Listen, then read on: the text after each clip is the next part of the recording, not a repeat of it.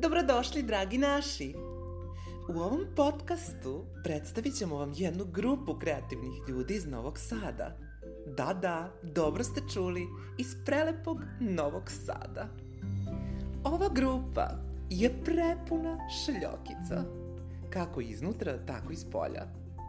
Iako su sami po sebi različiti, imaju zajedničku nameru, a to je da kroz transformaciju iskažu svoje sobstvo i time, zamislite molim vas, zaintrigiraju i pomere granice. Kako ni jedna promena nije jednosmerna, tako ni njihova ne može biti. Jer za svaku promenu je neophodna hrabrost, kreativnost i ono najvažnije, razmena energije. Više o procesu promene čućete direktno od njih. Ono po čemu su oni specijalni je sledeća činjenica. Slušajte pažljivo.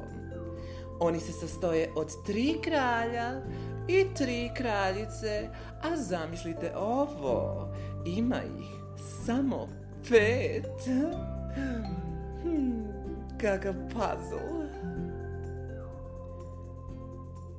Oni su Ezotera, moja malenkost Paola, šećerni batica, Paranoa i Luka sa naslovne strane i oni su drag scena Novog Sada. Uživajte!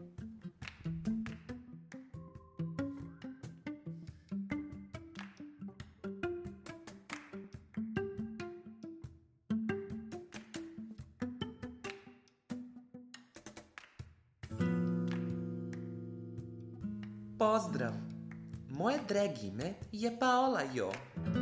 Inspiraciju za ime i generalno za moj drag lik dobila sam iz meksičkih telenovela koje sam obožavala kao tinejdžerka.